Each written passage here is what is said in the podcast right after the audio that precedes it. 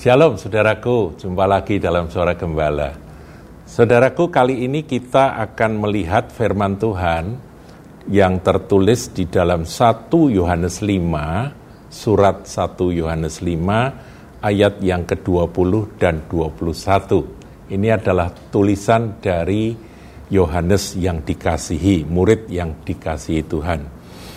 Akan tetapi kita tahu bahwa anak Allah telah datang dan telah mengaruniakan pengertian kepada kita, supaya kita mengenal yang benar, dan kita ada di dalam yang benar, di dalam anaknya Yesus Kristus. Dia adalah Allah yang benar dan hidup yang kekal. Jadi bagi kita Tuhan Yesus itu adalah Allah yang benar, dan dialah hidup kekal kita. Nah, ayat 21 adalah penutup dari surat 1 Yohanes ini.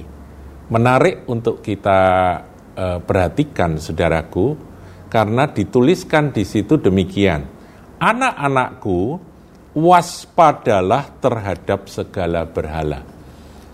Jadi kalimat penutup atau ayat penutup dari surat Yohanes 1 ini atau surat 1 Yohanes ini sepertinya menyimpang begitu ya setelah Yohanes berbicara dalam tentang kasih, tentang uh, iman kepada anak Allah, tentang ya dia bicara iman yang mengalahkan dunia dan sebagainya.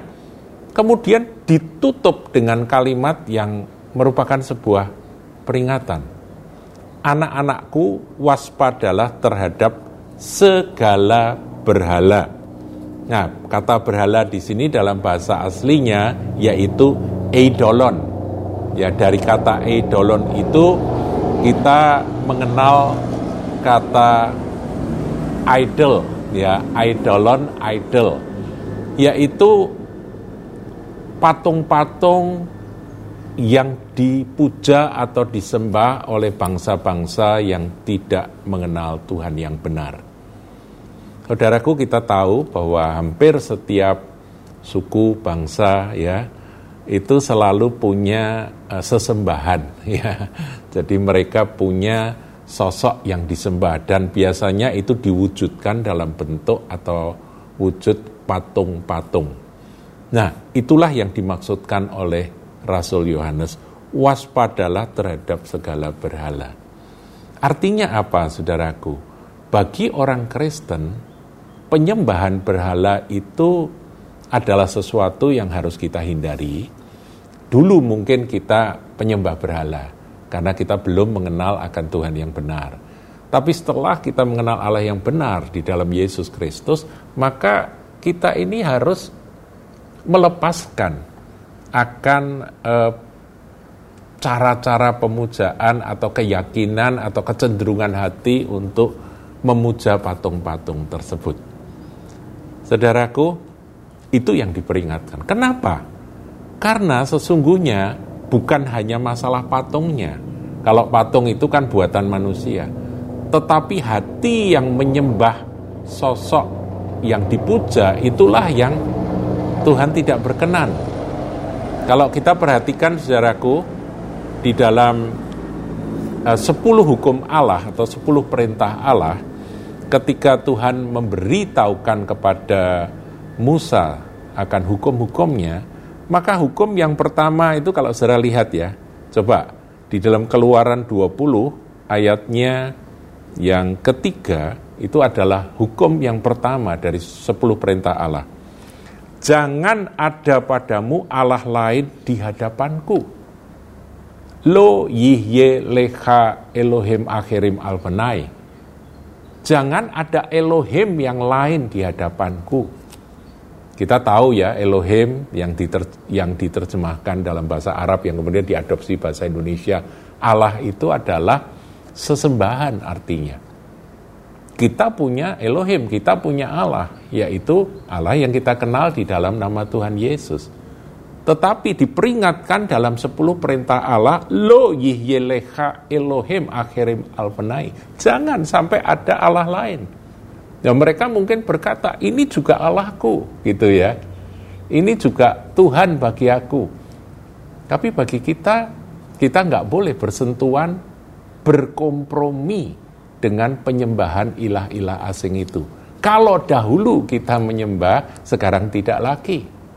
Nah, menjadi pertanyaan, bukankah kita hidup dalam masyarakat yang plural, yang mana tidak semuanya punya iman yang sama dengan kita.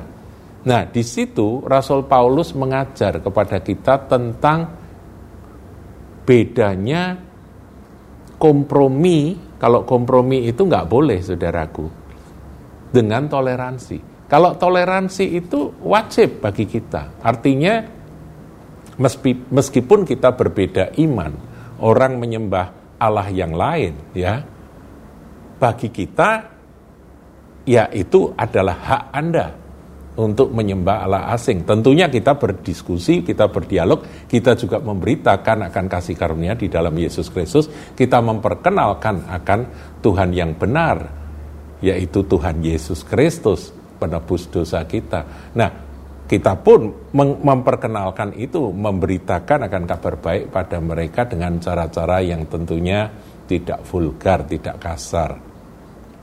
Di didiskusikan dengan dalam satu dialog persahabatan. Tetapi kita menghormati, menghargai akan hak orang untuk berkeyakinan. Kalau mereka berkeyakinan terhadap sebuah patung, mereka menyembah patung, itu hak mereka. Kita pun tidak boleh uh, menghina-hina. Namun, saudaraku, sebagai orang Kristen, kita tidak boleh kompromi Sekali lagi, kompromi itu beda dengan toleransi. Nah, ada satu ayat yang bagus yang merupakan uh, peringatan dari Rasul Paulus yang mungkin kita perlu uh, pelajari, saudaraku ya. Coba kita lihat di dalam 1 Korintus 5, uh, maaf, maaf, 1 Korintus 7, ya, uh, nanti, nanti, 1 Korintus 5 dulu aja ya. 1 Korintus 5 ayatnya yang ke-10 11. 1 Korintus 7 kita tunda sebentar Saudaraku ya. 1 Korintus 5 ayatnya yang ke-10 dan 11. Dikatakan demikian. Uh, ayat yang ke-10. Yang aku maksudkan bukanlah dengan semua orang cabul pada umumnya dari dunia ini atau dengan semua orang kikir dan penipu atau dengan semua penyembah berhala. Saya ingin garis bawahi kata penyembah berhala. Sebab dikatakan di ayat 9 jangan bergaul dengan mereka. Jadi orang Kristen itu harus menjauhkan diri dengan orang-orang seperti itu. Nah, kalau terhadap penyembah berhala, Paulus katakan, yang aku maksudkan bukanlah semua orang cabul, pada umumnya dari dunia ini atau dengan semua orang kikir dan penipu atau dengan semua penyembah berhala. Karena jika demikian kamu harus meninggalkan dunia ini. Artinya apa? Selama kita hidup di dalam dunia maka kita pasti akan ketemu dengan orang yang cabul dengan orang yang kikir dengan orang kikir atau greedy ya yang serakah yang yang apa mata duitan itu. Dan penipu mereka yang suka nipu-nipu. Atau dengan penyembah berhala. Di luar ada banyak penyembah berhala saudaraku. Apakah kita tidak boleh bergaul dengan mereka? Nah di sinilah toleransi. Terhadap semua orang kita harus bisa bergaul saudaraku artinya kita dapat berkomunikasi. Kita tidak uh, menjadi orang Kristen yang sok suci, yang kemudian menajiskan semua orang yang berbeda dengan kita. Tidak demikian, saudaraku. Karena kasih itu adalah memberi, ya. Jadi kita adalah garam dan terang itu dikatakan ya kita ini menggarami dan menerangi, ya. Jadi bukan menutup diri dengan gantang sehingga terang itu tertutup gantang. Tidak demikian. Bukan garam yang tidak ada rasanya. Kita harus menjadi berkat bagi semua orang di dunia ini. Meskipun mereka orang cabul, meskipun mereka orang kikir, penipu, atau bahkan penyembah berhala. Tetapi ayat 11 sudah perhatikan, Tetapi yang kutuliskan pada kamu ialah, jangan salah paham, yang kutuliskan pada kamu, kata Paulus, ialah supaya kamu jangan bergaul dengan orang yang sekalipun menyebut dirinya saudara. Artinya mereka menganggap bahwa diri mereka menyebut diri mereka itu adalah orang percaya, orang Kristen, tetapi mereka adalah orang cabul, kikir, penyembah berhala, pemfitnah, pemabuk atau penipu dengan orang yang demikian janganlah kamu sekali-kali makan bersama-sama. Tidak boleh kita dekat-dekat dengan orang yang mengaku dirinya saudara. Jadi mereka ngaku aku juga Kristen loh, aku juga anggota gereja ini, tapi mereka adalah pemabuk, mereka adalah orang cabul, mereka adalah penyembah berhala. Nah, kita nggak boleh bergaul dengan mereka. Tapi kalau dengan orang ya penyembah berhala pada umumnya di dunia ini, mereka masih nyembah patung, mereka punya keyakinan lain dengan kita, no problem. Kita harus bisa berinteraksi dengan mereka. Inilah toleransi. Tetapi kompromi itu terjadi ketika ada orang yang mengaku dirinya itu Kristen, mengaku dirinya itu pengikut Kristus, tapi mereka masih menyembah berhala. Ngerti ya saudaraku, ini yang disampaikan oleh Rasul Paulus. Nah, tadi saya eh, sampaikan akan 2 Korintus 7. 2 Korintus 7 ini adalah sebuah firman yang jarang dikupas saudaraku, tapi kali ini kita akan baca ya dan kita akan renungkan. Dikatakan ayat 1 dari 2 Korintus 7, Saudara-saudaraku yang kekasih, karena kita sekarang memiliki janji-janji itu, jadi kita ini adalah penerima janji, janji kerajaan Allah, janji uh, kita akan bersama-sama dengan Dia selama-lamanya, janji sebagai anak Tuhan kita punya berbagai macam janji Tuhan yang ada dalam firman-Nya. Marilah kita menyucikan diri. Ini adalah perintah, saudaraku. Ini panggilan kita. Marilah kita menyucikan diri kita dari semua, perhatikan, pencemaran jasmani, dan rohani. Apa yang dimaksud dengan pencemaran jasmani? Yaitu dosa-dosa yang dilakukan oleh tubuh. Kadang-kadang mulut kita mengucapkan kata kotor, itu pencemaran jasmani. Mulut kita mencemar. Kita melakukan akan hal-hal yang Tuhan tidak suka. Mata memandang hal-hal yang Tuhan tidak berkenan dan menikmatinya itu pencemaran jasmani. Tubuh ini melakukan akan hal-hal yang Tuhan larang. Itu pencemaran jasmani. Tetapi pencemaran rohani itu lain, saudaraku. Itu adalah kompromi dengan berhala-berhala tadi. Dengan sesembahan dari Allah yang bukan Allah yang benar yang kita kenal di dalam Yesus Kristus. Lo yihyelecha Elohim akhirim alfanai. Bukan Elohimnya mereka. Jangan ada Allah lain di hadapanku. Gak boleh ada. Yang ada hanya Allah yang kita kenal di dalam Yesus Kristus. Nah, saudaraku, uh, menarik sekali kalau kita perhatikan ada orang yang hebat sekali di dalam Perjanjian Lama. Orang yang dikatakan memiliki hikmat yang tidak ada tandingannya. Dia sudah pernah berjumpa dengan Tuhan dua kali. Namanya adalah Salomo. Salomo ini hikmatnya luar biasa, saudaraku. Tapi Firman menulis dengan jujur, terus terang, tidak ditutup-tutupi. Memang Salomo hebat, dialah yang membangun akan bait suci. Luar biasa, ketika bait suci ditahbiskan, hadirat Tuhan turun dan semua imam rebah, oh hadirat Tuhan luar biasa. Itulah Salomo. Tapi apa yang terjadi di akhir hidup Salomo? Ini kiranya boleh menjadi awas-awas kewaspadaan bagi kita biar takut akan Tuhan, gentar akan Tuhan ada pada kita. sehingga sekali-kali aku tidak akan menyentuh berkompromi dengan penyembahan berhala. Coba saudara kita lihat ya dalam satu Raja-Raja 11 ayat yang ke-5 dan 6. Demikian Salomo mengikuti Ashitoret, Dewi orang Sidon. Kok bisa? Dan mengikuti Milkom, dewa kejijikan sesembahan orang Amon. Kok bisa? Itu pertanyaan. Bukankah dia sudah berjumpa dengan Allah Israel, Yahweh Elohim, Tuhan yang benar, yang memberi kepadanya akan keberhasilan yang luar biasa ketika dia menjadi Raja Israel. Nah, saudaraku, dan Salomo melakukan apa yang jahat di mata Tuhan Sampai ada ayat berkata dia melakukan apa yang jahat di mata Tuhan.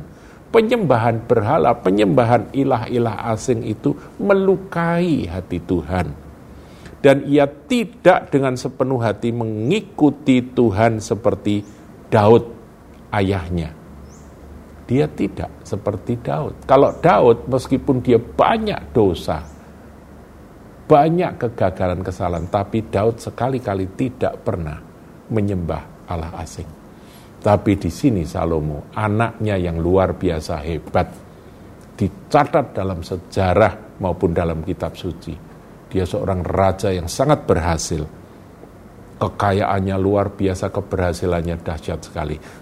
Dia melakukan apa yang jahat di mata Tuhan, dan ia tidak dengan sepenuh hati mengikuti Tuhan seperti Daud ayahnya Ayat 7 lebih ngeri lagi. Pada waktu itu Salomo mendirikan bukit pengorbanan bagi Kamos, dewa kejijikan sesembahan orang Moab di gunung di sebelah timur Yerusalem dan bagi Molok, dewa kejijikan sesembahan Bani Amon. Pertanyaan kok bisa kan begitu saudaraku? Jawabnya waspadalah. Sekali lagi waspadalah. Karena apa? karena kita tidak kebal terhadap kejatuhan yang satu ini. Baik saudara, baik saya, kita harus benar-benar menetapkan hati. Sekali-kali jangan ada penyembahan berhala di dalam hidupku. Penyembahan ilah-ilah asing di dalam aku mengikut Tuhan. Pencemaran jasmani harus kita hindari supaya kita disucikan dari pencemaran jasmani. Tetapi pencemaran rohani juga hal yang sangat-sangat penting. Dikatakan dia melakukan yang jahat. Semua itu karena dia jatuh cinta dengan wanita-wanita dari bangsa-bangsa lain itu. Secara artinya dia membuka diri, membuka hati, dan kemudian akhirnya uh, apa? iman mereka, sesembahan mereka pun ikut masuk dalam kehidupan Salomo. Pertama saya kira Salomo hanya untuk menyenangkan hati istri-istrinya ya, karena Salomo kan istrinya dari bangsa-bangsa Moab, Amon, Edom, Sidon, Het itu kalau sudah baca itu ya sepanjang uh, raja satu raja-raja sebelas tadi kan itu dikatakan bahwa dia mengumpulkan wanita-wanita itu. Pertama dia mungkin hanya menyenangkan akan istri-istri yang cantik-cantik itu ya. Ya kamu mau apa, mau nyembah ini ya tidak apa-apa, toleran awalnya. Tapi akhirnya kompromi. Karena istri kan masuk ke hatinya Salomo kan, dia mencintai mereka kan. Dan akhirnya dia kena, saudara. Kena. Di sinilah Tuhan menyatakan bahwa Salomo melakukan yang jahat di mata Tuhan. Saudaraku, kiranya Tuhan berbelas kasihan pada kita, kiranya Roh Kudus menjaga kita dari segala berhala. Ingat peringatan dari eh, Yohanes yang dikasih itu. Waspadalah terhadap segala berhala. Tuhan Yesus memberkati.